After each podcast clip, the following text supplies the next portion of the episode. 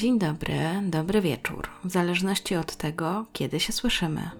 Dziś zapraszam Was na trzeci odcinek serii Zabójcza Warszawa, w którym opowiem Wam o sprawie, o której usłyszałam od bliskiej mi osoby i która znała jedną z ofiar.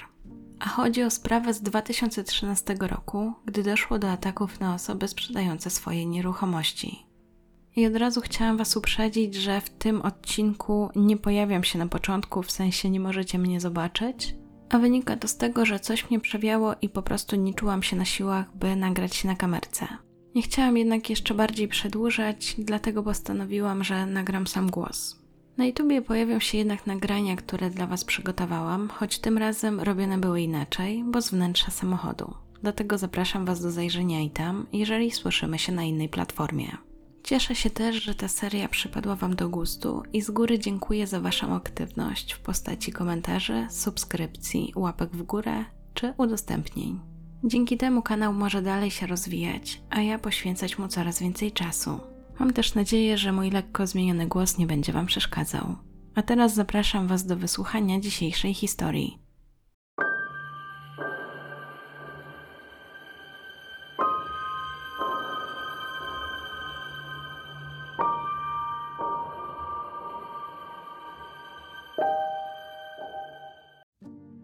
22 lutego 2013 roku żona pana Jerzego, pełna niepokoju, czekała aż ten wróci do domu.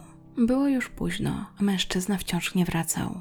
71-latek tego dnia pokazywał zainteresowanemu kupcowi willę na sprzedaż i liczył, że tym razem dojdzie do transakcji. Nie powinno jednak zająć mu to tak dużo czasu. Dlaczego wciąż nie wracał? Kobieta postanowiła, że dla pewności poprosi swoją córkę, aby ta pojechała na miejsce i osobiście sprawdziła, czy wszystko jest w porządku. Bała się o męża, miał już swoje lata i wolała się upewnić, że wszystko jest dobrze. Niestety tym razem jej obawy okazały się słuszne. Ulica Juliusza Fucika to niewielka ulica znajdująca się w Warszawie na Mokotowie. Została tak nazwana na cześć czeskiego kompozytora i dyrygenta orkiestr wojskowych. Najbardziej znany utwór tego kompozytora to Marsz Wejście Gladiatorów, który może Wam się kojarzyć z cyrkiem. I taka ciekawostka, Juliusz Fucik jest patronem tej ulicy od 2010 roku, a wcześniej patronem tej ulicy była osoba, która nazywała się tak samo, tyle że był to dziennikarz. I panowie byli ze sobą spokrewnieni. To właśnie przy tej ulicy swój dom miał pan Jerzy. Mężczyzna był cenionym lekarzem, internistą, ale w 2013 roku już od około 10 lat był na emeryturze. Miał żonę i wraz z nią wychowywał jej córkę. Sam swoich dzieci nie miał. Dom przy ulicy Fucika był takim jego oczkiem w głowie. Zaczął go budować jeszcze przed ślubem. Mimo, że obecnie nie mieszkał w tym domu, to bardzo często tam przyjeżdżał i sprawdzał, czy wszystko jest w porządku. W swoim czasie był na kontrakcie w Libii. Miał też mieszkanie na Służewie, które ostatecznie sprzedał i dzięki temu miał spore oszczędności, aby móc wybudować swój dom. I w tamtym momencie, jak wspomniałam, nie był jeszcze żonaty, ale też w zasadzie jeszcze nie znał swojej przyszłej żony. Tak się złożyło, że poznał ją dopiero w trakcie budowy tego domu i kobiecie nie do końca podobała się ta lokalizacja. W związku z tym poszli na kompromis i zamieszkali w innym miejscu, a ten dom, czy też zwany często willą, został przeznaczony na wynajem. Małżeństwo zamieszkało na woli, ale pan Jerzy regularnie odwiedzał Mokotów i swój dom, gdzie często coś tam poprawiał, naprawiał, czy przy czymś majsterkował. Przez te wszystkie lata przez dom przewinęło się kilka osób, w tym m.in. amerykańscy dyplomaci. Ostatnią osobą, której pan Jerzy wynajął ten dom, był mężczyzna o imieniu Igor i wydawało mu się, że z pochodzenia był Litwinem. Lata mijały, pan Jerzy był coraz starszy i w końcu przyszedł czas na trudną decyzję – w 2012 roku czuł już, że nie daje do końca rady, że coraz trudniej zajmować się tymi naprawami, a wchodzenie po schodach wymagało coraz więcej wysiłku. I choć mężczyzna miał ogromny sentyment do tego miejsca, to w końcu zdecydował, że pora się z nim pożegnać, pora je sprzedać. Porozmawiał o tym jeszcze z żoną i razem ustalili, że za pieniądze ze sprzedaży zainwestują w coś innego. Rozważali jakąś działkę albo domek letniskowy, nie mogli jeszcze się zdecydować co do lokalizacji, czy będzie to blisko Warszawy, czy może gdzieś dalej, na przykład jakieś morze czy góry. Pan Jerzy jednak postanowił, że cena, za którą sprzeda ten dom, będzie dosyć wysoka. Wynikało to po prostu z tego, ile pracy włożył w ten dom, jak mu na nim zależało, że właśnie było to takie jego oczko w głowie. I też liczył na to, że po prostu trafi ten dom w dobre ręce, że ktoś o niego zadba. Jednak cena okazała się być zbyt wysoka, co pokazały kolejne miesiące. Klienci prawie nie dzwonili, a jak już dzwonili, to od razu chcieli negocjować cenę, a oczywiście pan Jerzy nie chciał się na to zgodzić. Minął rok i w końcu pojawił się ktoś, kto wydawał się być realnie zainteresowany kupnem tego domu. Potencjalny kupiec przedstawił się jako majętny biznesmen po pięćdziesiątce, który robi interesy w Ameryce. Był Polakiem, ale wyemigrował i mieszkał w USA. Twierdził, że dom chciał kupić dla siebie i swojej rodziny. Trakcie krótkiej pogawędki powiedział także, że sam dorobił się na nieruchomościach, że grywał także na giełdzie, a panu Jerzemu wydał się bardzo miły i inteligentny. Przynajmniej tak go później opisał swojej żonie. Nic nie wzbudziło jego niepokoju i postanowił, że spotka się z mężczyzną. Umówili się już na miejscu w godzinach wieczornych 22 lutego 2013 roku. Wychodząc, mężczyzna był naprawdę podekscytowany. Liczył, że w końcu trafił na właściwego kupca i w końcu pomyślnie sprzeda dom. Minęła godzina, dwie, aż w końcu dochodziła godzina 21, a pana Jerzego wciąż nie było w domu. Żona lekarza martwiła się coraz bardziej. Może coś się stało, może się potknął, może gdzieś upadł, może trzeba mu pomóc. Pomyślała, że najlepiej będzie, jeżeli zadzwoni do swojej córki i poprosi, aby ta sprawdziła, czy wszystko jest w porządku. Męża próbowała dzwonić kilka razy, ale wszystkie próby zakończyły się niepowodzeniem, dlatego uznała, że coś jest nie tak. Joanna na miejsce dotarła chwilę po godzinie 21. Od razu rzuciło jej się w oczy to, że w domu pali się światło ale pomyślała, że jest to dobry znak, że to znaczy, że ojczym jeszcze jest w domu, może jeszcze z klientem, a może coś naprawia i po prostu nie zauważył, która jest godzina. A może ten kupujący miał dużo pytań i tak się przeciągnęło. W końcu cena była dosyć wysoka i wiadomo było, że decyzję o zakupie takiego domu trzeba było podjąć na spokojnie. Myśl o tym, że jej ojczym może być jeszcze z klientem, sprawiła, że kobieta postanowiła, że nie będzie im przeszkadzać i zadzwoniła do swojej mamy. Opowiedziała jej dokładnie, jak wygląda sytuacja. Powiedziała, że pali się światło i wydaje jej się, że ojczym jest jeszcze w domu. Ale jej mamy to nie uspokoiło. Powiedziała, że potrzebuje pewności, że prosi ją, aby ta jeszcze zadzwoniła domofonem, weszła do środka i upewniła się, że jest ok. Joanna postanowiła spełnić tę prośbę. Zadzwoniła domofonem, ale nikt nie odbierał. Ponieważ jednak wszystko było otwarte, to postanowiła wejść na teren posesji a potem po schodkach dotarła pod drzwi wejściowe. Te również były otwarte. Nacisnęła klamkę i weszła do środka, a potem zawołała ojczyma po imieniu. Odpowiedziała jej głucha cisza. Zdecydowanie jej się to nie spodobało i pomyślała, że lepiej będzie, jeżeli się wycofa i poprosi kogoś o pomoc. Nie chciała wchodzić tam sama. Czuła jakiś niepokój. W związku z tym zapukała do sąsiada i poprosiła, by ten jej towarzyszył. Mężczyzna się zgodził i po chwili byli z powrotem na terenie posesji. Weszli po schodkach do domu, a następnie, gdy na piętrze nikogo nie było, postanowili zajrzeć jeszcze do piwnicy. Gdy zeszli tam po schodach, wtedy ich oczom ukazał się przerażający widok. Mężczyzna leżał na podłodze. W pierwszym odruchu Joanna pomyślała, że może doszło do jakiegoś wypadku. Może mężczyzna zasłabł albo potknął się na schodach. Ale gdy przyjrzała się uważniej, stwierdziła, że Obok ciała mężczyzny leży nóż, a on sam jest cały we krwi. O 21.30 na miejsce wezwano pogotowie i policję. Niestety pana Jerzego nie udało się już uratować, a przed policjantami stało trudne zadanie. Od razu było wiadomo, że nie był to nieszczęśliwy wypadek, tylko doszło do zabójstwa. Problem polegał jednak na tym, że sprawca nie pozostawił po sobie żadnych śladów i nie za bardzo wiadomo było, od czego zacząć śledztwo. Choć jak wspominałam, według Joanny mężczyzna był cały we krwi, to jednak śledczy mieli inne spostrzeżenie. Dla nich było jej zaskakująco bardzo mało. I było to bardzo nietypowe, biorąc pod uwagę fakt, w jakim stanie znaleziono mężczyznę. I żeby wam to jeszcze jakoś bardziej zobrazować, to powiem wam, jak zareagowali ratownicy medyczni, którzy przybyli na miejsce. A chodzi o to, że sami zwrócili uwagę na to, że to miejsce zbrodni w ogóle nie wyglądało na miejsce zbrodni i dopytywali się, czy na pewno tutaj doszło do ataku. A chodziło o to, że ślady krwi, które były wokół ciała ofiary, nie odpowiadały temu, jakie obrażenia zostały zadane. Bo nie było tak, że mężczyzna leżał w jednej dużej kałuży krwi, tylko dookoła było dużo małych plamek. I choć obok ciała pana Jerzego znaleziono potencjalne narzędzie zbrodni, to jednak zdaniem śledczych ten nóż wcale nie został użyty do tej zbrodni. Miały jedynie zmylić trop. Ustalono, że pan Jerzy został zaatakowany gazem pieprzowym, po czym sprawca się na niego rzucił i zadał mu osiem ciosów ostrym narzędziem. Szybko ustalono także, że z domu nic nie zginęło. W związku z tym wykluczono motyw rabunkowy. Co prawda z domu w zasadzie nie było co ukraść, bo dom i tak był na sprzedaż, więc lekarz nie trzymał tam zbyt wielu rzeczy, ale też nikt nie przeszukał ani nic nie zabrał mężczyźnie. W zasadzie wyglądało to na zbrodnię bez żadnego motywu. Dlatego śledczy postanowili skupić się na osobie pana Jerzego, zbadać jego przeszłość, dowiedzieć się o nim wszystkiego, co mogłoby sprawić, że śledztwo ruszy do przodu.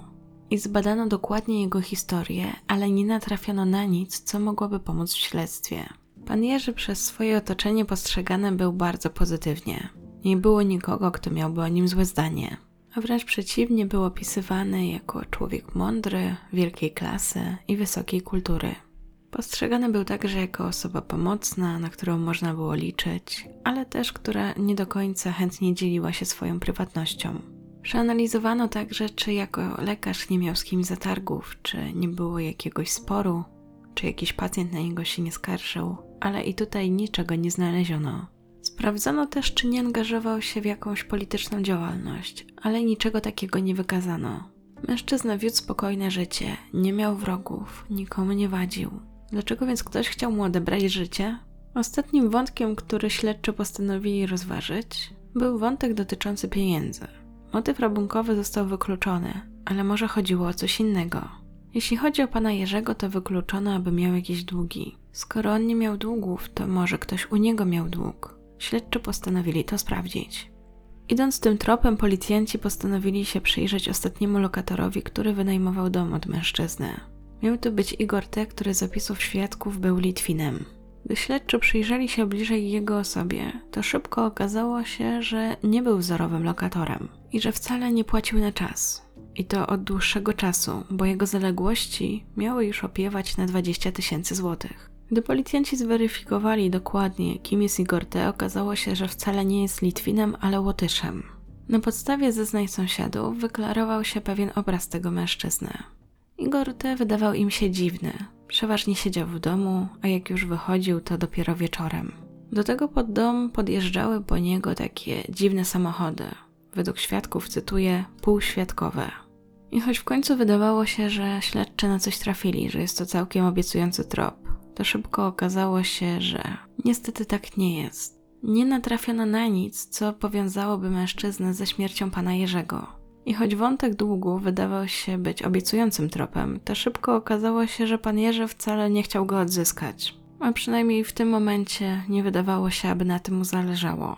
I nawet to, że Igor T. miał już swoje za uszami i że miał już kilka spraw w sądzie, to nie sprawiło, że stał się podejrzanym. Bo tak naprawdę nie było powodu, aby miał odbierać życie panu Jerzemu. I w tym momencie śledztwo utknęło w miejscu a policjanci wciąż nie wiedzieli, jaki mógł być motyw tej zbrodni. Nie mając innych tropów, policjanci musieli się zająć innymi sprawami, ale do tej ciągle wracali myślami. W końcu była to dla nich naprawdę nietypowa sprawa. I tak mijały kolejne miesiące, aż minęło pół roku, a na policji pojawiło się kolejne zaskakujące zgłoszenie. Tym razem chodziło o Ursynów, a dokładniej Stary Imielin i ulicę Czapli tym miejscu dom na wynajem oferowała pani Elżbieta. 30 sierpnia 2013 roku był na nią zły. Tego dnia nie mógł zupełnie skontaktować się ze swoją żoną. Dzwonił i dzwonił, ale ta nie odbierała. A był zły zwłaszcza dlatego, że dzwonił do niej z ważną informacją. Miał klientów na wynajęcie ich domu. A że dom stał pusty od ponad roku, to bardzo mu na tym zależało. Dom stał pusty, bo małżeństwo mieszkało w innym domu, na zawadach. Ten dom został zbudowany typowo pod inwestycje. Miało to być też takie zabezpieczenie na stare lata, aby nie musieli się martwić o finanse na emeryturze. Jednak cena, którą proponowali, wydawała się być za wysoka, bo wcale nie było tylu chętnych. Ale w końcu do pani Elżbiety zadzwonił ktoś, kto wydawał się być obiecującym klientem. Kobieta wiedziała, że mało kogo było stać na wynajem tego domu. Dlatego, gdy zadzwonił sympatyczny, bogaty biznesmen, który robił interesy w Austrii, to miała nadzieję, że w końcu to jest ten klient. Mężczyzna twierdził, że szukał domu dla siebie i swojej rodziny. Z rozmowy wydawał się być inteligentny i miły. Zdecydowanie zdobył zaufanie kobiety. Pani Elżbieta postanowiła się z nim spotkać i pokazać mu dom. Na spotkanie przyszedł dobrze ubrany. Opowiedział też coś więcej o sobie, mówił, że planuje wrócić za granicę z rodziną, że chciałby już na dłużej osiąść w Polsce. Później przyjaciółka pani Elżbiety wspominała, że miał przyjść nawet z miarką i dokładnie mierzył ściany, by sprawdzić, czy zmieszczą się jego meble. Nie bez znaczenia było to, że kobieta spotkała się z potencjalnym klientem kilka razy ale ponieważ wiedziała, że jest to spora inwestycja i że mężczyzna ma prawo dokładnie obejrzeć sobie dom, to nie robiła z tego problemu. Przyjaciele i mąż pani Elżbiety mówili jej, żeby nie chodziła sama pokazywać domu obcym ludziom, a zwłaszcza obcemu mężczyźnie. Ta jednak uważała, że przesadzają, że przecież już z nim rozmawiała, że to poważny i sympatyczny biznesmen, więc co mógłby jej zrobić? Liczyła na to, że w końcu wynajmie dom i będzie miała problem z głowy, po każdym spotkaniu z tajemniczym mężczyzną, pani Elżbieta opowiadała o nim swoim bliskim i wydawała się być bardzo zadowolona z tych spotkań. Czuła, że w końcu wynajmie komuś ten dom. O mężczyźnie mówiła same dobre rzeczy, że jest wykształcony, przystojny, czarujący. Jeśli chodzi o ich kontakt, to był on inicjowany zawsze z jego strony. Kobieta również miała numer do mężczyzny, ale gdy ten dzwonił, to na wyświetlaczu pojawiało się numer zastrzeżony ale to w żaden sposób nie niepokoiło 62-latki. Wręcz przeciwnie, cały czas ufała potencjalnemu klientowi. Choć była mężatką i mieszkała ze swoim mężem, to jednak prowadziła zupełnie osobny tryb życia. Małżeństwo miało taki układ, że każdy żyje po swojemu i drugie się w to nie wtrąca. Nie było też potrzeby, aby się z czegoś tłumaczyć, nie było żadnej kontroli. Więc początkowo pan Krzysztof nie przejmował się nieobecnością żony w domu. Często było tak, że się mijali, więc to, że czasami się nie widzieli kilka dni, to też było normalne. Ostatni raz mężczyzna widział panią Elżbietę w domu, który chcieli wynająć. Było to jakieś dwa dni wcześniej. Kobieta została i miała poczekać na potencjalnego klienta, przedstawiciela jakiejś austriackiej firmy. Jej mąż miał jakieś sprawy do załatwienia, więc wyszedł i zostawił żonę samą. Ale gdy 30 sierpnia nie odbierała telefonu, to zaczął się już poważnie niepokoić pierwszym odruchu pomyślał, że pojedzie na Stary Mielin do ich domu i sprawdzi, czy przypadkiem żony tam nie ma. Wsiadł więc samochód i skierował się w tamtą stronę. Na miejscu zauważył, że przed domem stoi samochód kobiety. Postanowił, że wejdzie do środka, ale już z zewnątrz zauważył, że w środku było ciemno. Zanim jeszcze zdążył przejść przez cały dom, aby dostać się do ogrodu z tyłu, gdzie podejrzewał, że żona może przebywać, coś go nagle zatrzymało. Na podłodze leżała nieprzytomna kobieta. Na początku zaczął ją pytać, dlaczego leży na podłodze i żeby wstała. Niewiele myśląc, lekko dotknął jej łydki. Wtedy poczuł, że jest sztywna i zimna. To właśnie wtedy dostrzegł plamę krwi i złamany nóż. Ale nie zauważył, że kobieta miała związane nogi. Po chwili wezwał pomoc i zadzwonił do córki, aby przekazać jej złą wiadomość. Około godziny 18 na miejscu zjawiła się policja. Szybko ustalono, że kobieta została obezwładniona, była duszona oraz zginęła od ciosów nożem w szyję i klatkę piersiową. Sprawca był bardzo brutalny. Łącznie zadał pani Elżbiecie dziewięć ciosów nożem. Większość z nich skierowana była w serce i jego okolice. Po zbadaniu miejsca zbrodni okazało się, że w domu było pełno krwi, panował chaos, ale mimo tego niczego z niego nie skradziono. Do prowadzenia tej sprawy Zostali oddelegowani policjanci z Wydziału do Walki z Terrorem Kryminalnym i Zabójstw Komendy Stołecznej Policji. Gdy zajęli się tą sprawą, bardzo szybko zorientowali się, że pół roku wcześniej doszło do podobnej zbrodni. Nie wiedzieli jeszcze, czy to przypadek, czy może seria, ale na pewno chcieli się na tym wątku skupić. Niemal od początku podejrzewali, że zabójstwo pana Jerzego i zabójstwo pani Elżbiety łączy jeden sprawca. Wszystko wskazywało też na to, że ostatnią osobą, która widziała obie te osoby, był tajemniczy klient. W zasadzie takie podejrzenia mieli już policjanci przy sprawie pana Jerzego, ale morderstwo pani Elżbiety to tylko potwierdziło. Osobą, której szukali, był klient, który umówił się z nimi na oglądanie domu. Modus operandi w obu tych sprawach wyglądało mniej więcej tak. Ofiary otrzymały kilka ciosów zadanych ostrym narzędziem. Na każdym miejscu zbrodni znaleziono nóż. W momencie, gdy pan Jerzy i pani Elżbieta spotkali się z potencjalnym klientem, to oboje byli z nim sami. W pobliżu nie było żadnego monitoringu, a sam klient także wydawał się opisywać podobnie. A te dwa domy znajdowały się niedaleko od siebie tak naprawdę. Do tego niczego z nich nie skradziono, wykluczono także motyw rabunkowy. Postanowiono jednak w mediach nie ujawniać tych informacji, a wręcz deklarować, że obie sprawy są prowadzone odrębnie. Prawda była jednak taka, że prowadził je ten sam prokurator i nadzorował ten sam funkcjonariusz policji. Kolejnym wnioskiem odnośnie podobieństwa tych obu spraw było to, że morderca prawdopodobnie wybierał te domy, na których ogrodzeniu wisiał baner o sprzedaży lub wynajmie. Zastanawiano się jeszcze nad wątkiem finansowym, bo w przypadku pani Elżbiety pojawiło się pewne odstępstwo. Co prawda nie skradziono jej pieniędzy, miała przy sobie 700 zł w gotówce. To jednak ktoś kilka dni później wypłacił z bankomatu pieniądze, używając jej karty. Szukano też powiązań między panią Elżbietą a panem Jerzym. Szybko jednak ustalono, że nigdy się nie spotkali. Przeanalizowano także ich bilingi. Szybko ustalono, że zabójca telefonował do swoich ofiar. Potwierdzono też, że w obu przypadkach udawał klienta zainteresowanego kupnem lub wynajmem domu. Międzyczasie znaleziono także ich ogłoszenia w gazetach, więc nie było pewności, czy zabójca natrafił na nich czytając ogłoszenia, czy jednak widząc te banery. I choć trop numeru telefonu wydawał się być obiecujący, to pojawił się pewien problem. Okazało się, że zabójca włączał ten telefon tylko po to, aby zadzwonić do swojej potencjalnej ofiary. I wykazano też, że po tym jak się kontaktował, to wyłączył ten telefon na pół roku. Poproszono także policyjną psycholog, aby przygotowała profil mordercy. Specjalistka wysuwa taki wniosek, że może, skoro nie ma żadnego motywu, to warto wziąć pod uwagę taką ewentualność, że jest to zabójstwo dla emocji. Czyli może być tak, że po prostu zabójca odczuwa jakąś przyjemność z tego, że dokonuje zbrodni, a wybór osób jest totalnie przypadkowy. Może też być tak, że odczuwa satysfakcję z tego powodu, że policji trudno trafić na jego trop. Może też chcieć, by o jego zbrodniach było głośno, może w ten sposób chce być sławny. Zwłaszcza, że ten nóż, który pozostawia na miejscach zbrodni, może być czymś w rodzaju jego takiej wizytówki. Mimo tego wciąż pozostawał nieuchwytny. Policja próbowała przez wiele miesięcy trafić na jego trop.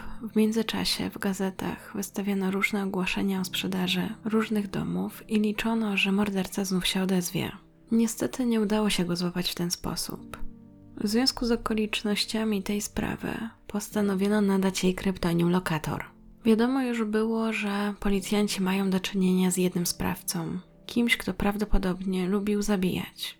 Ustalono, że mężczyzna dokładnie wybierał swoje ofiary, w sensie szukał odpowiedniego domu, sprawdzał, czy osoba przyjdzie sama, najlepiej jeżeli to byłaby starsza osoba, sprawdzał też, czy nie ma monitoringu i jak się wkrótce okazało, spotykał się ze swoimi ofiarami kilka razy. Nad sprawą pracował m.in. profiler Jan Gołębiowski, który twierdził, że mężczyzna spotykał się z przyszłymi ofiarami dwukrotnie i zabijał dopiero za drugim razem. Wiedział też, którymi uliczkami się poruszać, aby nie złapały go żadne kamery. Sekcja zwłok wykazała, że zanim sprawca zadawał ciosy, to najpierw spryskiwał swoje ofiary gazem. To z kolei wskazywało na jego kolejną cechę, czyli niesamowitą kontrolę otoczenia. Mimo, że wybierał osoby słabsze od siebie, nie pozwalał, aby coś poszło nie tak. Na tym etapie powstała też hipoteza, że może sprawca zabijał zamożne osoby, bo w jego odczuciu to na przykład on powinien być zamożny. Psycholog policyjna, która także przygotowywała profil mordercy, wspomniała jeszcze, że mężczyzna potrafił wkraść się w łaskę ofiary, zdobyć jej zaufanie, a tym samym uśpić czujność. Później pokazywał swoją przewagę, dominował, straszył narzędziem, którym potem zadawał ciosy. Pozostawienie jednak noża na miejscu zbrodni traktowane było jako element gry z policją. Jednak w tym momencie nie było już żadnych dalszych tropów, dlatego policjanci postanowili sprawdzić inne możliwości. Uznali, że dobrze będzie sprawdzić, czy w innych miastach w Polsce nie doszło do podobnych zbrodni, Poprosili więc policyjną centralę o analizę podobnych przypadków i dostali jedną odpowiedź z Opola. Tylko, że choć były podobne kwestie, to jednak sporo się też różniło. bo w Opolu chodziło o młodego mężczyznę, który został oskarżony przez prokuraturę o zabójstwo kobiety, która miała wynająć mu mieszkanie. Dla pewności jednak policjanci postanowili go przesłuchać i został sprowadzony do Warszawy. Łącznie był przesłuchiwany przez kilka dni. Nie dało to jednak przełomu w śledztwie. Wyszło na to, że mężczyzna nie miał nic wspólnego z tymi dwiema sprawami, dlatego trzeba było go wypuścić. Jeżeli niepodobna sprawa, to może ktoś, kto miał już na swoim koncie jakieś brutalne zabójstwo. Ale weryfikacja tych osób również niczego nie dała. Ponieważ w okolicy nie było żadnego monitoringu, to śledczy pomyśleli, że może w takim razie pomoże monitoring z kilku linii autobusowych, które kursowały w okolicy domu na Emilinie, czyli przy ulicy Czapli. Dlaczego tylko z tej lokalizacji? Odpowiedź jest bardzo prosta. Po prostu ulica Czapli, choć jest niewielką ulicą i są przy niej właściwie tylko domy jednorodzinne, to zaraz obok jest trasa, gdzie normalnie jeżdżą autobusy. Natomiast jeżeli chodzi o ulicę Fucika, to już wygląda zupełnie inaczej. Żeby tam dotrzeć, musimy trochę odbić od większej ulicy i mijając po kolei mniejsze uliczki, docieramy do ulicy Fucika. Ponieważ jest tam dosyć wąsko, to raczej autobusy nie miałyby tam jak jeździć. Jeśli oglądacie ten odcinek na YouTubie, to pewnie będą gdzieś się tutaj pojawiały filmy z tej ulicy, więc możecie sobie lepiej wyobrazić o co mi chodzi. Choć pomysł był dobry, to niestety i tym razem niczego nowego do sprawy nie wniósł. Na monitoringu z autobusów również niczego nie wychwycono. Wcześniej, jak mówiłam, wykluczono też powiązania między panią Elżbietą a panem Jerzym, także to, że kobieta mogła być jego pacjentką. Także i tutaj już na 100% zweryfikowano, że tych powiązań nie było. Oprócz pewnych okoliczności, które wydarzyły się tu i tu. Jeżeli chodzi o połączenia, które były wykonywane zarówno do pani Elżbiety, jak i do pana Jerzego, to były one wykonywane z dwóch różnych numerów i oba były z tak zwanymi kartami przedpłaconymi. Już Wam mówiłam ostatnio o tym przy sprawie Kasi, którą omawiałam niedawno, że w takim przypadku bardzo trudno było zlokalizować, kto był właścicielem takiego numeru. Pracy śledczym nie ułatwiało też to, że oba były aktywne raptem przez kilka dni przed każdym zabójstw. Potem były wyłączone. Mimo tego policjanci wystąpili o bilingi tych numerów, aby sprawdzić, z kim jeszcze łączył się zabójca. Dzięki temu trafili na mężczyznę, który także miał mieszkanie do wynajęcia. I tu wydarzyła się zaskakująca i zarazem bardzo ważna rzecz. Okazało się, że ten mężczyzna nagrywał wszystkie rozmowy telefoniczne. Dzięki temu po raz pierwszy śledczy usłyszeli głos zabójcy. Dalej jednak nie wiedzieli, kim on był. Była też obawa, że mężczyzna uderzy po raz kolejny. Wiadomo jednak było, że nie działa spontanicznie, że starannie przygotowuje się przed każdym atakiem. Mimo tego czas miał w tej sprawie ogromne znaczenie. Na podstawie rozmów z osobami, które oferowały mieszkania lub domy na wynajem, ustalono jeszcze jedną rzecz. Oczywiście mowa o tych osobach, z którymi nawiązał kontakt zabójca. Mianowicie, że mężczyzna, gdy orientował się, że te osoby na spotkanie nie przyszły same, to rezygnował z ataku. Śledztwo nie posuwało się naprzód, więc w 2014 roku prowadzący śledztwo zdecydowali, że należy ponownie spojrzeć na wszystkie zebrane dowody. Ustalili także, że dobrze będzie poddać się ekspertyzom genetycznym i w tym celu zostały wysłane do Pomorskiego Uniwersytetu Medycznego. Zauważono wtedy także w notesie pana Jerzego, że zapisał numer telefonu osoby, z którą miał się spotkać w dniu zabójstwa. Upewniło to śledczych, że wszystko się zgadza i sprawdzali właściwy numer. Ustalono także, że sprawca dzwoni zawsze z określonego modelu telefonu i że jedyne co robi to zmienia w nim kartę SIM. Tylko, że przez ten cały czas, przez czas, kiedy było prowadzone śledztwo, cały czas pozostawał wyłączony. Minęło już sporo miesięcy od ostatniej zbrodni, aż w końcu, 26 lutego 2014 roku, nastąpił przełom. Policja otrzymała od operatora sygnał, że właśnie jeden z numerów, który ich interesował, jest aktywny. Co więcej, wykonano z tego numeru połączenie. Szybko udało się ustalić, że numer, na który dzwoniono, również należał do osoby, która chciała wynająć swój dom. Mężczyzna posiadał nieruchomość na wynajem przy ulicy Krasnowolskiej. Jeśli chodzi o jej lokalizację, był to Ursynów, czyli tak samo jak w przypadku domu pani Elżbiety. Jeśli chodzi o odległość, są to niecałe 3 kilometry. Dom figurował jako na sprzedaż, a jego właściciel, który rozmawiał z potencjalnym kupcem, Wspomniał, że ten nie pytał za bardzo o szczegóły oferty, a bardziej interesował się kwestią monitoringu. Po tej rozmowie policjanci postanowili, że czas uruchomić podsłuchy. W rezultacie łącznie w tym śledztwie było ich 50. Liczono, że któryś z nich w końcu coś da, że w końcu przyjdzie ten upragniony przełom. Zwłaszcza, że informacja o tym, że podejrzany uruchomił swój telefon, świadczyła o tym, że być może chce dokonać kolejnej zbrodni, a zatem znów liczył się czas. 4 marca pojawiły się kolejne ważne informacje. Tego dnia ktoś non-stop wysyłał SMS-y na jeden numer telefonu. Szybko ustalono, że należał on do Zbigniewa H. Trzy dni później z tego samego telefonu wysłano SMS-a na inny numer. Tym razem adresatem okazała się być Monika B. A treść tego SMS-a brzmiała: Mam zawieszony tel, dzisiaj go odzyskam. Internet nie będzie wyłączony, nie dzwoń na ten numer. Pojawiło się zatem pytanie, czy coś łączyło te dwie osoby. Trzeba było to dokładnie sprawdzić. Była to żmudna praca, ale w końcu udało się ustalić jedną ważną rzecz. Otóż to, co łączyło te dwie osoby, czyli Monikę B i Zbigniewa H, a w zasadzie kto je łączył, to była jedna osoba, dokładniej Jerzy B. Zbigniew H był jego kuzynem, a Monika B córką. Czy to oznaczało, że Jerzy B był poszukiwanym mężczyzną? Wciąż dowodów było na to za mało, więc policjanci chcieli jeszcze trochę poczekać, pojeździć za nim, zebrać więcej dowodów i sprawdzić, czy będą podstawy do zatrzymania. Wiedzieli jednak, że sprawca szykuje się do kolejnego spotkania z wytypowaną przez siebie ofiarą. Istniało więc realne zagrożenie, że dojdzie do kolejnego ataku. Śledczy nie mogli więc czekać. Nie byli też pewni, kogo dokładnie wybrał sobie na swoją ofiarę. Wiedzieli natomiast, że będzie się do tego bardzo starannie przygotowywać. Jerzy B. wydawał im się podejrzany.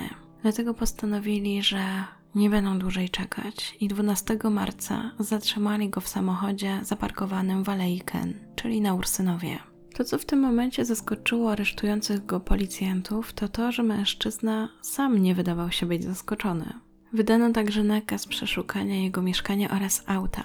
I tam w końcu znaleziono dowody, które dały jednoznaczną odpowiedź. A dokładniej odnaleziono dwa aparaty telefoniczne, z których potencjalny zabójca dzwonił do swoich ofiar.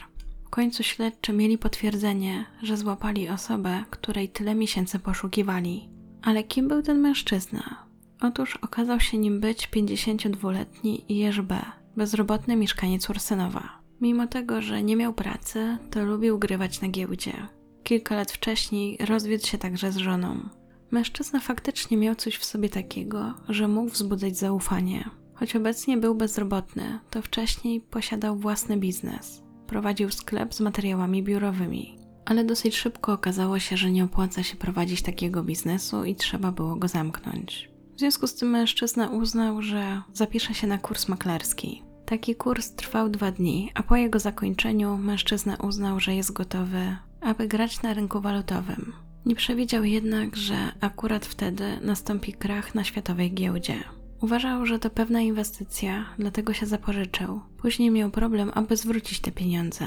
Ponieważ długi rosły, a zarobków brakowało, ostatecznie musiał sprzedać swoje mieszkanie. Nie spłacił jednak wszystkich długów. Do tego nie układało mu się w małżeństwie. Śledczy ustalili także, że jego kartoteka była czysta, nie był notowany za żadne wykroczenia, nie istniał też w bazie danych policji. W momencie, gdy został zatrzymany, jego bliscy byli zszokowani. Według nich nigdy nie był agresywny, nie podniósł też na nikogo ręki. Nie wiedzieli w ogóle, jak to możliwe, że to właśnie jego zatrzymano. Wracając jednak do jego historii, to nie za bardzo miał się gdzie podziać. W związku z tym często sypiał u znajomych i krewnych, gdzie tylko była okazja. Do tego był też na utrzymaniu swojej matki. Bardzo często zmieniał numer telefonu, ze względu na to, że dzwoniły do niego osoby, które chciały odzyskać swój dług. Ale i tak przez swoich bliskich uważany był za porządną osobę, taką chodzącą dobroć. W pewnym momencie został też dziadkiem, co w zasadzie było niespodziewane, ale z tej roli wywiązywał się wzorowo. Jego córka była wtedy studentką i nie planowała ciąży. W związku z tym postanowił jej pomóc i dniami i nocami opiekował się jej dzieckiem. Okazało się też, że w jego otoczeniu był psycholog, dokładniej jego kuzyn był psychologiem. I później, gdy był przepytywany przez śledczych, to powiedział, że jemu się wydaje, że Jerzy by miał jakieś stare kompleksy.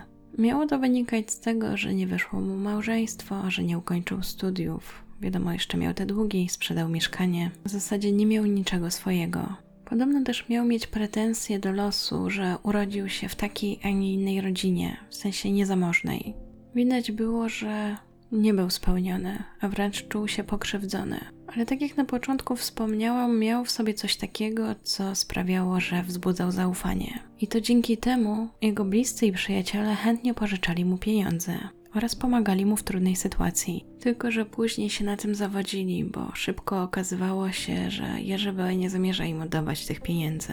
W zasadzie nie ma z czego. A jego kolejne kłamstwa sprawiały, że otoczenie zaczęło go postrzegać jako mitomana. Na przykład twierdził, że akurat teraz na Mazurach buduje wielki kompleks budynków i że pieniądze na to otrzymał od Unii. Oczywiście brakowało mu jeszcze trochę gotówki, dlatego prosił bliskich o pożyczkę i w ten sposób zdołał pożyczyć ponad 140 tysięcy złotych, mimo że tonął w długach. Jeśli chodzi o jego relacje z żoną, to w zasadzie rozstali się 16 lat wcześniej, a 4 lata wcześniej wzięli rozwód. Mimo tego dalej utrzymywali kontakt. Kobieta regularnie widywała mężczyznę i twierdziła, że ostatnio wydawał się być jakiś taki przybity, może zaszczuty. Wiedziała, że nie ma pracy, że ma ogromne długi. Oszacowała, że było to jakieś 400 tysięcy złotych. Opowiedziała także, że na początku pracował jako handlowiec, dopiero później założył własny biznes i później właśnie zaczął grać na rynku walutowym. Według jej wiedzy miał jednak licencję z ekonomii, no i zrobił ten dwudniowy kurs maklerski. Sam Jerzy B. później twierdził, że jeżeli jest się luźnym, to operacje idą dobrze. I faktycznie mu szło, ale tak jak wspomniałam, potem był ten wielki krach, czyli mowa o 2008 roku i wielkim kryzysie. Pojawiła się też informacja, że długi miał także jego ojciec, który był uzależniony od hazardu. Żeby jakoś się wykraskać z tej swojej sytuacji, uznał, że sprzeda mieszkanie i zacznie pożyczać pieniądze. Potem się odegra, tylko że nie weszło.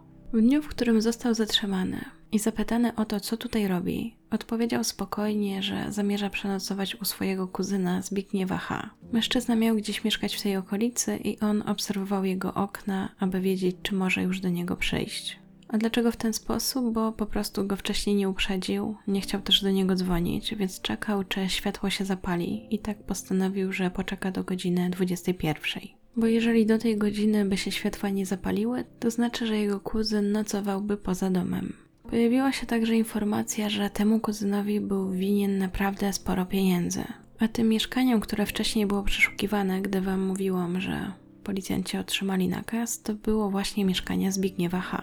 Oprócz weksla, który opiewał na 330 tysięcy złotych i był podpisany przez Jerzego B., policjanci znaleźli kajdanki, nóż kuchenny, okładkę legitymacji policyjnej, pojemnik z gazem paraliżującym, kilka par gumowych rękawiczek, pręt stalowy i taśmę klejącą. Był tam też telefon z wyjętą baterią i bez karty SIM. Po zatrzymaniu mężczyzna został umieszczony w areszcie, po czym prokuratura zdecydowała się zatrzymać go tymczasowo na trzy miesiące. Następnie Jerzy B. miał odbyć rozmowę z biegłym psychologiem. I na pierwszym spotkaniu mężczyzna zachował się bardzo dziwnie, bo zaczął udawać niemowę. Oczywiście zanim przystępuje się do badania, to najpierw biegły psycholog musi zapytać, czy badany zgadza się na takie badanie. I w momencie, gdy padło takie pytanie, to mężczyzna zaczął zaprzeczać ruchem głowy, a gdy w kolejnym pytaniu został zapytany dlaczego, to tylko wzniósł ręce, a następnie oczy skierował do góry. Tego dnia uznano, że dalsza rozmowa nie ma sensu. Kolejne badanie odbyło się już w szpitalu psychiatrycznym w Tworkach. Tym razem Jerzy B. przejął inną taktykę. Postanowił odgrywać superbohatera, a dokładniej supermana. Tym samym okazało się, że jednak nie jest niemową i potrafił odpowiadać na pytania. Twierdził, że wszystkie decyzje podejmuje zawsze rozważnie, musi się zastanowić, nie działa w emocjach. Podsumowanie tego badania brzmiało: wysoka inteligencja, osobowość narcystyczna, świadome stosowanie zabiegów autoprezentacyjnych. Do tego badania mężczyzna poddał się dobrowolnie. Oprócz tego, co przeczytałam przed chwilą, to jeszcze ustalono, że mężczyzna ma też wysokie poczucie własnej wartości, co przy okazji trochę kłóciło się z tym, co między innymi mówili o nim bliscy, na przykład ten kuzyn psycholog. Ale samo badanie psychiatryczne to było jeszcze za mało, aby powiązać Jerzego B. z tymi morderstwami. Kluczowe były dowody, które znaleziono na miejscu zbrodni i z których udało się pozyskać materiał do badań DNA a dokładniej materiał ten pozyskano spod paznokci obu ofiar. Pobrano próbkę także od Jerzego B. i ustalono, że próbki się zgadzają. Oznaczało to, że Jerzy B. miał kontakt zarówno z panią Elżbietą, jak i panem Jerzym. Z tym nowym dowodem prokurator postanowił skonfrontować podejrzanego. Mężczyzna jednak nie potrafił wytłumaczyć, w jaki sposób jego DNA znalazło się na ciałach ofiar. Jerzy B. cały czas nie przyznawał się do żadnego zabójstwa.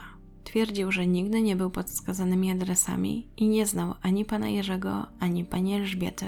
Tylko co innego ustalono, jeżeli chodzi o jego telefony bo ustalono, że telefon, który znaleziono w mieszkaniu jego kuzyna, został wykorzystany, aby skontaktować się z panią Elżbietą, a z drugiej komórki dzwoniono m.in. do pana Jerzego, jak i innych potencjalnych ofiar. Ta komórka znajdowała się w samochodzie mężczyzny. I tym razem Jerzy B. został skonfrontowany z tymi dowodami, ale na to już miał wytłumaczenie. Twierdził, że telefony kupił na bazarku w październiku 2013 roku czyli wychodziłoby na to, że po obu zabójstwach. Na jedno jednak nie mógł się przygotować. Otóż policja wciąż dysponowała nagraniem jego głosu. Dzięki temu można też było przeprowadzić pełną analizę fonoskopijną głosu i w pełni stwierdzić, że należał do Jerzego B. Gdy podejrzany został zapytany, czy to jego głos, potwierdził, że tak. Jakie miał zatem wytłumaczenie? Powiedział, że zadzwonił, bo był ciekawy. Akurat przejeżdżał niedaleko tego domu, zobaczył ogłoszenie o jego sprzedaży i postanowił, że zadzwoni. Tłumaczył, że chciał się po prostu dowiedzieć, ile trzeba mieć pieniędzy, aby posiadać taki dom. Przypominam jednak, że był to 2013 rok i taką informację spokojnie można było sprawdzić w internecie, więc to tłumaczenie też wydawało się być trochę jak bajka. Natomiast sam potwierdził, że oczywiście nie miał takich funduszy, by kupić taką willę, a wręcz przeciwnie miał ogromne długi. Na większość pytań powtarzał jedną odpowiedź, że to nie on. Według psychologów, którzy badali go w tamtym czasie, dla mężczyzny ten moment to był czas, kiedy niebezpiecznie rosła w nim frustracja. Kolejne przesłuchania nie przyniosły już żadnych rezultatów. Jerzy B. odmawiał odpowiedzi. Odmówił także zgody na badanie fonoskopijne, czyli porównawcze głosu, oraz poligraficzne, czyli na wykrywaczu kłamstw. Pomimo, że śledczy i prokuratura dysponowali sporą liczbą dowodów, to jednak wciąż nie znaleźli odpowiedzi na ważne pytanie: dlaczego Jerzy B. zabijał? Jaki był motyw jego zbrodni? Logicznym wnioskiem byłoby to, że mężczyzna chciał pozbyć się długów, ale przecież z domów nic nie zginęło, więc na tej zbrodni się nawet nie wzbogacił. Nie znalazłam natomiast odpowiedzi na pytanie, czy wypłaty z bankomatu kartą pani Elżbiety dokonał właśnie on. Ale jeśli tak, to i tak nie byłaby to kwota, która rozwiązywałaby jego problemy. Do tego jego zachowanie sprawiało, że trudno było uwierzyć, że to on jest zabójcą. Jeden ze śledczych tak go opisał. Spokojny, nie rzucający się w oczy, nijaki. W czasie przesłuchań był jakby nieobecny.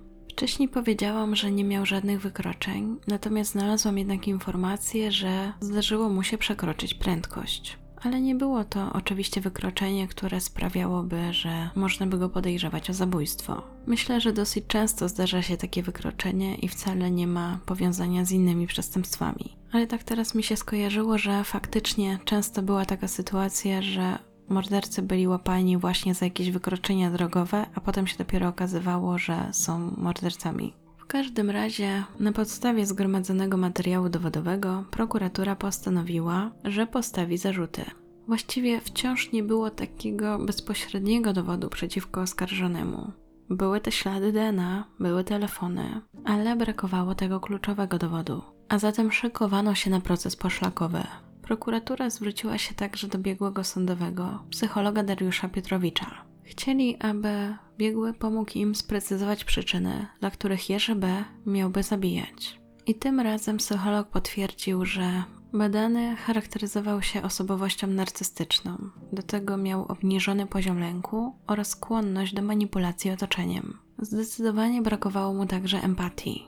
Był także niekonsekwentny, jeżeli chodzi o przestrzeganie prawa. Wymagał, aby inni go przestrzegali, ale sobie na odstępstwa już pozwalał. Biegły podkreślił także, że Jerzy B. ma skłonności psychopatyczne i stałą silną potrzebę stymulacji napięcia emocjonalnego. Według jego opinii motywem jego zbrodni nie był rabunek, nie było to, że chciał się wzbogacić czy uzyskać jakieś inne korzyści materialne. Zdecydowanie chodziło o emocje, które odczuwał przy tym, a między innymi obniżał dzięki temu napięcie. Psycholog podkreślił także, że kluczowe było nie tylko to, co się działo w momencie ataku, ale także to, co się działo w momencie planowania tego ataku. Mężczyzna miał także wykorzystywać swoje cechy, czyli to, że łatwo wtapiał się w tłum, że wydawał się niczym nie wyróżniać. Jeśli chodzi o relacje z innymi, to raczej traktował ludzi instrumentalnie, natomiast wykazywał zazdrość, jeżeli chodzi o ludzi zamożnych. W momencie, gdy dokonywał na nich ataku, odczuwał dodatkową radość, że mści się na grupie, która tak go drażni. To też wyzwalało dodatkowe emocje. Psycholog podkreślił także, że w ten sposób zaspokajał swoje sadystyczne, ale co ważne, nieseksualne fantazje. A takim najbardziej przerażającym wnioskiem z całej opinii było to, że gdyby mężczyzna nie został złapany, to zabijałby dalej. Jeśli chodzi o sam proces, to tak jak wspomniałam, był poszlakowy. Prokuratura nie potrafiła także przedstawić motywu. Ze względu na dobro tej sprawy oraz dobro rodzin poszkodowanych lub oskarżonego, ustalono, że część rozpraw lub ich fragmenty zostaną utajnione.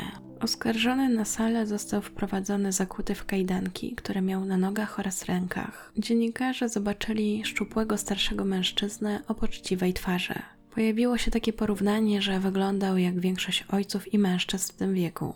Do tego był szczupły i niewysoki, aż trudno było uwierzyć, że mógł dokonać takich zbrodni. Podczas procesu zachowywał się spokojnie. Prawie się nie odzywał, był skupiony. Wyglądał, jakby analizował każde słowo, ale mimo tego, że uważnie słuchał, to nie reagował, nie negował, nawet nie wykonywał żadnych gestów, które świadczyłyby o tym, że z czymś się nie zgadza. Nawet gdy zeznawali bliscy ofiar, to nie okazywał żadnych emocji. W sądzie dalej nie przyznawał się do winy. Twierdził, że nie wie dlaczego się tutaj znalazł i że on nie ma nic wspólnego z tymi zbrodniami. Co więcej, uważał, że sam jest ofiarą systemu. Jego obrońca głównie kierował uwagę na to, że nie ma motywu, nie ma powodu, aby mężczyzna miał dokonać tych zbrodni. Obrońca bardzo uważnie słuchał zeznań świadków, a gdy tylko coś było można podważyć, to od razu to robił. Przykładem były zeznania sąsiadki pierwszej ofiary. Około godziny 21 kobieta wyszła na spacer ze swoim psem i widziała z ulicy, że pan Jerzy krząta się w kuchni. Bardzo dobrze znała swojego sąsiada i od razu go rozpoznała. Więc gdy wracała do domu i znów spojrzała w okno, to wtedy się zdziwiła, bo w tym oknie był zupełnie inny mężczyzna. Tylko, że kobieta nie była w stu procentach pewna, czy był to oskarżony, czy jednak nie. Podczas rozprawy wyszła jeszcze jedna zaskakująca informacja. Okazało się, że tego samego dnia, w którym zginął pan Jerzy, nastąpiło połączenie około północy z numerem telefonu należącym do Jerzego B. Dla obrońcy oskarżonego miał być to dowód, że to wcale nie jego klient jest zabójcą. Pomimo tych kilku rozbieżności, wciąż kluczowa była opinia biegłego psychologa, która łącznie liczyła 60 stron. I to była ta opinia, którą już Wam wcześniej przedstawiłam. To, co było w niej napisane, jednoznacznie wskazywało na to, że Jerzy B. był w stanie dokonać tych zabójstw. Podkreślono, że motywy, które miały go pchnąć do tych zbrodni, to były motywy popędowo-sadystyczne. I wydawało się, że ta opinia jest nie do podważenia. Jeśli chodzi o to dziwne połączenie o północy, to sędzia uznał, że Jerzy B. zadzwonił specjalnie do właściciela domu, aby mieć właśnie w razie co alibi. Sędzia podkreślił także, że Jerzy B. nie wziął w takim razie pod uwagę, że żona jego ofiary doskonale wiedziała, gdzie jest i z kim się miał spotkać i o której. Oraz, że będzie po prostu martwiła się o swojego męża, dzięki czemu tak szybko doszło do tego, że odkryto te zbrodnie. Na innej rozprawie postanowiono skorzystać z opcji wideokonferencji i połączono się z badaczami z Pomorskiego Uniwersytetu Medycznego w Szczecinie. Ogólnie, jeżeli chodzi o badania materiału genetycznego, to dokonano dwóch badań. Pierwsze odbyło się w Warszawie, a później właśnie w Szczecinie. Problem polegał jednak na tym, że wyniki nie były spójne. Podczas badania, które zostało przeprowadzone w Warszawie, nie wykryto konkretnego profilu DNA, Jedynie co ustalono to to, że jedna próbka należała do mężczyzny, a druga do kobiety.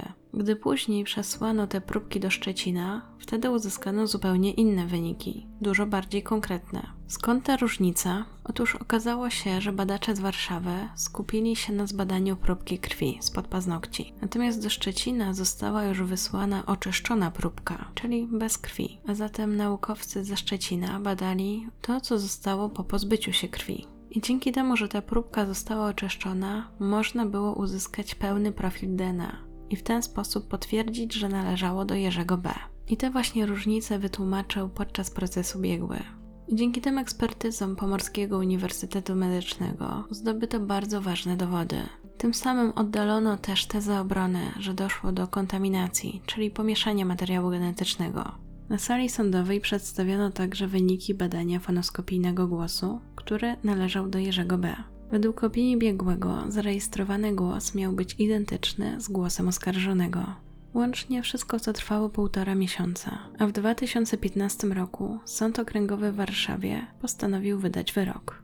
Mężczyzna został uznany za winnego i w rezultacie skazany na dożywotnie pozbawienie wolności. W uzasadnieniu wyroku sędzia powiedział: Ta sprawa jest przykładem, jaką tajemnicą jest ludzka psychika i jak niegodnie, niemoralnie człowiek jest w stanie się zachować. Sędzia pochwalił także pracę śledczych i prokuratury za to, że wzorcowo zebrali dowody oraz cytuję szerokie horyzonty intelektualne, które to miały skłonić prowadzących śledztwo, aby przekazać właśnie te próbki, które zebrali ekspertom ze Szczecina. Sąd nie miał żadnych wątpliwości, że zgromadzone dowody niepodważalnie świadczą o winie Jerzego B. Mimo, że nie było bezpośrednich świadków tej zbrodni, to jednak to, co przedstawiano na sali rozpraw, jednoznacznie go obciążało. Ogólnie za każde z tych zabójstw mężczyzna został skazany na 25 lat więzienia, ale ostatecznie sąd wydał karę łączną, czyli dożywocie. Do tego zarządził także zadośćuczynienie i pokrycie kosztów sądowych. Łącznie 100 tysięcy złotych zadośćuczynienia dla ofiar i 192 tysiące złotych jako koszty sądowe. Ta kwota wynikała głównie z kosztów wykonanych w tej sprawie ekspertyz genetycznych i kryminalnych. Na podstawie przeznaczonych dowodów i zeznań oskarżonego sąd nie stwierdził, aby w tej sprawie wystąpiły jakiekolwiek okoliczności łagodzące. Łącznie w tej sprawie był pięcioosobowy skład orzekający, a słowa, które Wam cytowałam, wypowiedział przewodniczący temu składowi. Pomimo takiego wyroku, wciąż jednoznacznie nie ustalono motywu, jakim mógł się kierować Jerzy B., sam również do dziś nie przyznał się do tej zbrodni, a w związku z tym nie wyjawił motywu. W 2016 roku obrońcy Jerzego B. złożyli apelację od wyroku. Jednak sąd apelacyjny postanowił utrzymać go w mocy. 21 czerwca tego samego roku również kasacja została oddalona, a wyrok stał się prawomocny. Sędzia powiedziała, że wszystkie zarzuty tej kasacji były oczywiście bezzasadne. Przypomniała także, że aby zarzuty kasacji były skuteczne, trzeba w niej wykazać, że sąd odwoławczy rażąco naruszył prawo materialne lub procesowe, co w rezultacie miałoby istotny wpływ na treść wyroku, a ta kasacja tych wymogów nie spełniła. I to już wszystkie informacje, jakie znalazłam na temat tej sprawy. I jestem ciekawa, co wy o niej sądzicie. Te sprawy możecie jeszcze kojarzyć z takim hasłem zabójca z ogłoszenia, bo właśnie bardzo często z takim nagłówkiem ta sprawa była prezentowana w mediach. Jestem też ciekawa, co sądzicie o tym wyroku i samym procesie. Czy według Was proces poszlakowy wystarczyłby wydać właśnie taki wyrok? Czy jednak powinno być więcej dowodów? Czekam na Wasze opinie i z góry dziękuję za komentarze. Dziękuję też za wszelkie formy wsparcia, a zwłaszcza wspieranie mnie na YouTube albo Patronajcie. W szczególności dziękuję moim patronom. Adzie, Jakubowi, Angelice, Angelice, Brygidzie, Magdzie, Jagodzie i Angelice.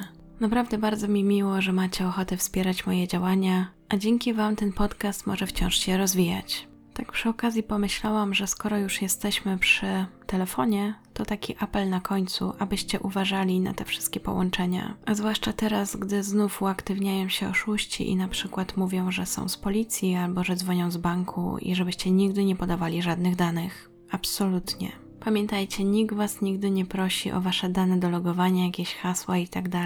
Policja tak samo nigdy nie będzie prosiła was o żadne pieniądze. I może myślicie, że nabierają się tylko na to osoby starsze, ale niestety powiem wam, że wcale tak nie jest. Zwłaszcza ostatnio, gdy oszuści zaczęli proponować zainstalowanie aplikacji. I od razu mówię, nigdy nie instalujcie żadnej aplikacji. Nawet jeżeli numer, który wam się wyświetla, wskazuje, że dzwoni ktoś z banku albo z policji. Oszuści również potrafią podszyć się pod dany numer. Uważajcie na siebie, bądźcie bezpieczni i mam nadzieję słyszymy się niedługo. A teraz życzę Wam miłego dnia, dobranoc i do usłyszenia.